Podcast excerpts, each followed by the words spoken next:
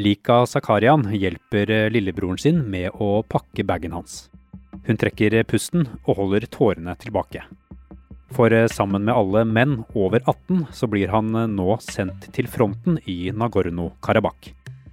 Der skal han kjempe mot aserbajdsjanske bomber og droner. Denne striden kalles en frossen konflikt. Den forblir uløst og blusser stadig opp igjen. Sivile blir drept, hus bombet og helikoptre skutt ned. Nå kan det gå mot en ny full krig. Og i kulissene bak så står to av Europas største krigsmaskiner.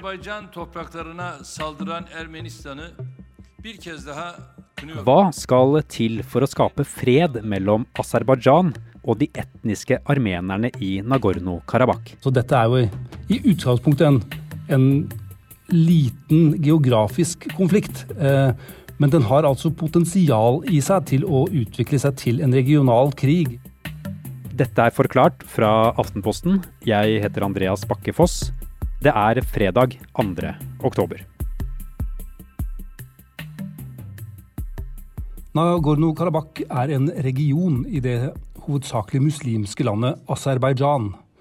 Det er et land som ligger i Sør-Kaukasus, men de som bor der, de er hovedsakelig kristne armenere. Jon Hultgren er Aftenpostens Midtøsten-korrespondent. Og han sitter på sitt kontor i Istanbul i Tyrkia. Hvis vi ser på europakartet, så ligger Tyrkia helt nederst til høyre. Men eh, for å komme til eh, den regionen vi skal snakke om nå, så må vi enda lenger til høyre. Og til og med finne fram Asiakartet. Der, til høyre for Tyrkia, så finner du regionen Kaukasus. En region der den muslimske og kristne verden møtes, på grensa mellom landene Armenia og Aserbajdsjan. Og i det muslimske Aserbajdsjan, der finner du regionen Nagorno-Karabakh. Men flertallet av de rundt 145 000 menneskene som bor der, de er etniske armenere som egentlig ikke vil ha noe med Aserbajdsjan å gjøre. Og kampen for å frigjøre seg, den er blitt både lang og blodig.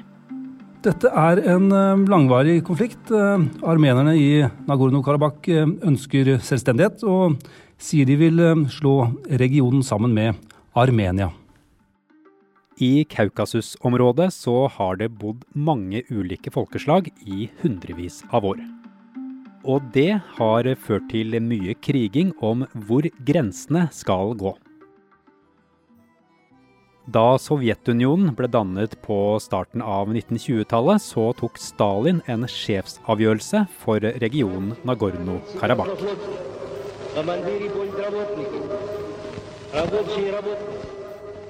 Det var Aserbajdsjan som trakk vinnerloddet og fikk Nagorno-Karabakh. Selv om det bodde folk fra begge folkeslag der. Så ble Sovjetunionen oppløst på slutten av 1980-tallet. Landene ble selvstendige, og da tok Armenia opp kampen om landområdet. Resultatet ble en militær konflikt som kostet tusenvis av mennesker livet. Krigen førte til at en halv million aserbajdsjanere ble fordrevet fra Nagorno-Karabakh. Og nå er det nesten bare armenere som bor der. Og de lever både kulturelt og politisk atskilt fra landet de er en del av, nemlig Aserbajdsjan. Etter eh, en god del krangling og hard ordbruk, så brøt det ut full krig mellom Armenia og Aserbajdsjan på starten av 1990-tallet. Eh, I 1994 så ble det forhandlet frem en våpenhvile, men det er antatt at 30 eh, 000 mennesker ble drept i, i de kampene, og en million mennesker ble sendt på flukt. Eh, problemet er at konflikten aldri egentlig blir løst. Og nesten tre tiår senere så ser vi da at dette er en av de flere såkalt frosne konfliktene som, som fins rundt i Europa. Jon bruker ordet frossen konflikt. Kampen om Nagorno-Karabakh var altså en militær konflikt som fikk en midlertidig løsning. Men kjernen i den egentlige konflikten, den er der fortsatt. Og det er eh, på en måte årsaken til at um, vi ser det stadig vekk blusser opp igjen. Ulike typer kamper, angrep. Ja, i det hele tatt. Så, så er det ikke kommet til noen løsning. Og så er det fortsatt uenighet. Man står på en måte helt stille, og derfor er det en frossen konflikt. Det er et folk, altså kristne armenere, som bor i et muslimsk Aserbajdsjan, som de ikke vil være en del av. Og på den andre siden Aserbajdsjan, som har blitt frarøvet et landområde i en krig, og som har det internasjonale samfunnet i ryggen.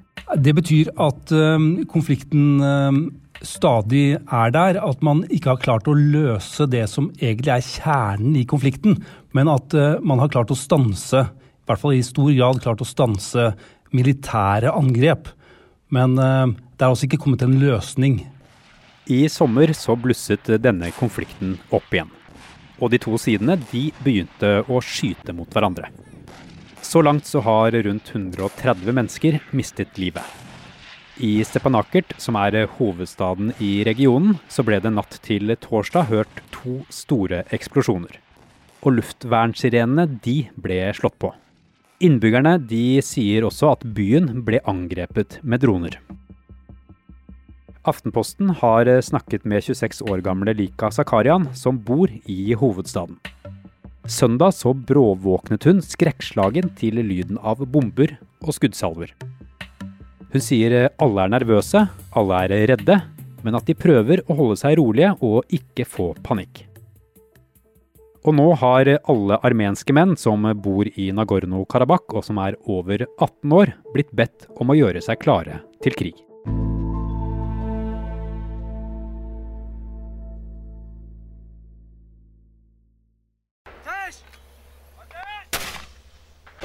Det som vi ser i videoene fra Nagorno-Karabakh nå, er regelrette krigshandlinger. Aserbajdsjan sier militæroperasjonen er legitim og vil fortsette. Videobilder som er laget av Forsvarsdepartementet i Aserbajdsjan, viser soldater som mater bombekastere med bomber, skyter i luften med gevær og snakker iherdig over sambandet mens røyken stiger opp i det grå, buskete fjellandskapet rundt. De har også publisert videoer som skal vise at aserbajdsjanske fly bomber bygninger og kjøretøy som tilhører fienden. De armenske separatistene anklager på sin side Aserbajdsjan for å gå etter sivile mål med sine bomber og droner.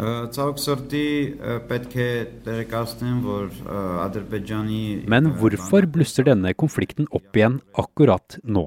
Det er nok partene veldig uenige om. Eh, de er også uenige om hvem som startet eh, denne gangen. Eh, og det er egentlig ganske typisk for denne typen frosne konflikter at de de blusser opp innimellom. Eh, dette er jo også veldig militariserte samfunn. Eh, enkelte spekulerer på at eh, Aserbajdsjan hadde planlagt en, en, offensiv nå fordi det internasjonale samfunnet har mer enn nok av andre store ting som skjer i verden å ta seg av og bekymre seg over. Men disse argumenterer da med at Aserbajdsjan vil ta tilbake territorium som de tapte på 1990-tallet. Nå har de armenske separatistene Jon, bedt alle over 18 år om å gjøre seg klare til krig. Hvordan foregår eh, krigføringen og, og, angrepene som er der nå? Dette er som sagt ganske militariserte samfunn. Og eh, det foregår Det er bomber, det er eh, stridsvogner, det er eh, i det hele tatt eh, også antageligvis droner som eh, sender ut raketter og det som måtte være. Så det, en, eh, det oppleves nok som å være i en, i en eh, svært voldelig væpnet konflikt.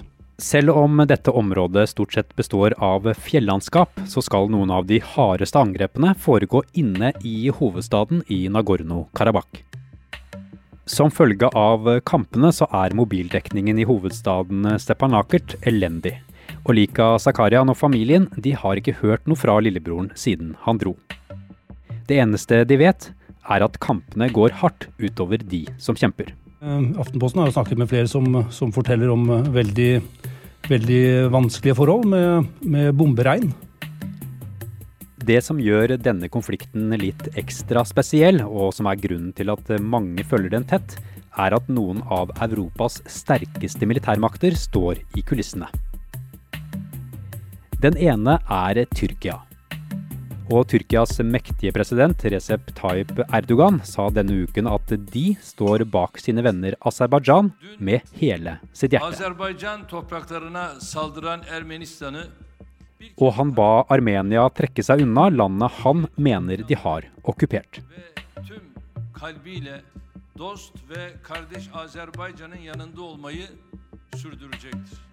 Tyrkia eh, ser på befolkningen i Aserbajdsjan som, eh, som, sine brødre.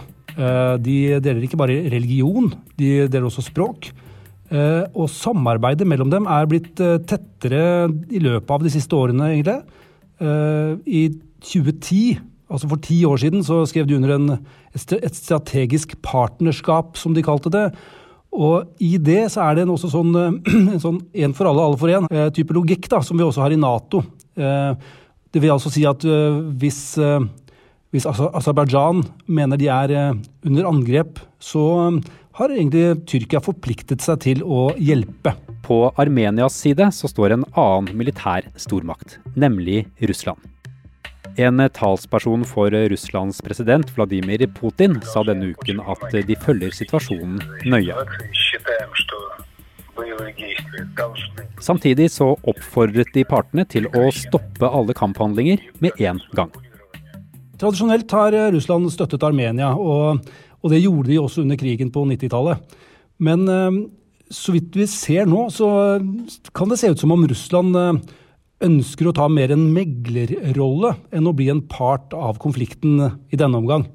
Men uh, Russland selger jo masse våpen da, til, både til Armen Armenia og Aserbajdsjan. Og med disse to landene involvert, så er det mange som frykter at krigshandlingene kan gå fra å være en lokal konflikt til å bli en storkrig.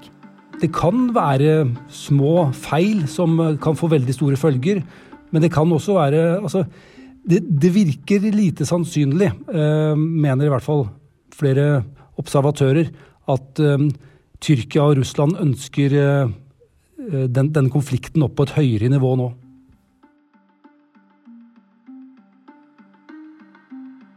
Det er mange land som har forsøkt å mekle mellom de to sidene i denne konflikten.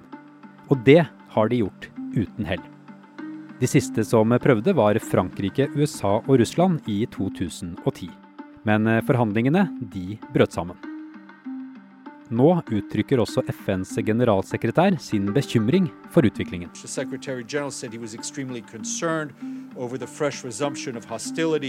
along the lines of contact in the Nagorno-Karabakh conflict zone. He condemned the use of force and regretted the loss of life and the toll on the civilian population. Tyrkia, Russland og FN. Alle vil ha fred og ber partene om å stoppe. Så hvorfor klarer man ikke å stoppe denne konflikten da? Alle vil ha fred, men uh, problemet er vel at de ikke vil ha den samme freden. Uh, det er jo som regel sånn at uh, når en konflikt fortsetter, så er det fordi mer enn én en av partene mener de kan vinne mer enn de allerede har. Og det er vel det som er tilfellet her. Det er, det er ulike interesser. altså de vil, de, de vil oppnå ulike ting, men, eh, men, eh, nå er konflikten på en måte frosset fast. Så det må, det må tine først. Også USAs utenriksminister Mike Pompeo er kommet på banen. Uh, in uh, and work with the Minsk group co-chairs to return to substantive negotiations as quickly as possible. Hvordan kan denne konflikten eh, løses, da? Jeg tror at i første omgang så er det viktigste å hindre at den, eh, at den blir større enn den er. Altså dette er jo i utgangspunktet en, en liten geografisk konflikt. Eh, men den har altså potensial i seg til å utvikle seg til en regional krig. Det, så det viktigste nå må nok være å, å hindre at det skjer. Eh, og så får vi rett og slett se, da. Det er vel antageligvis ingen annen vei enn å, enn å fortsette forhandlinger.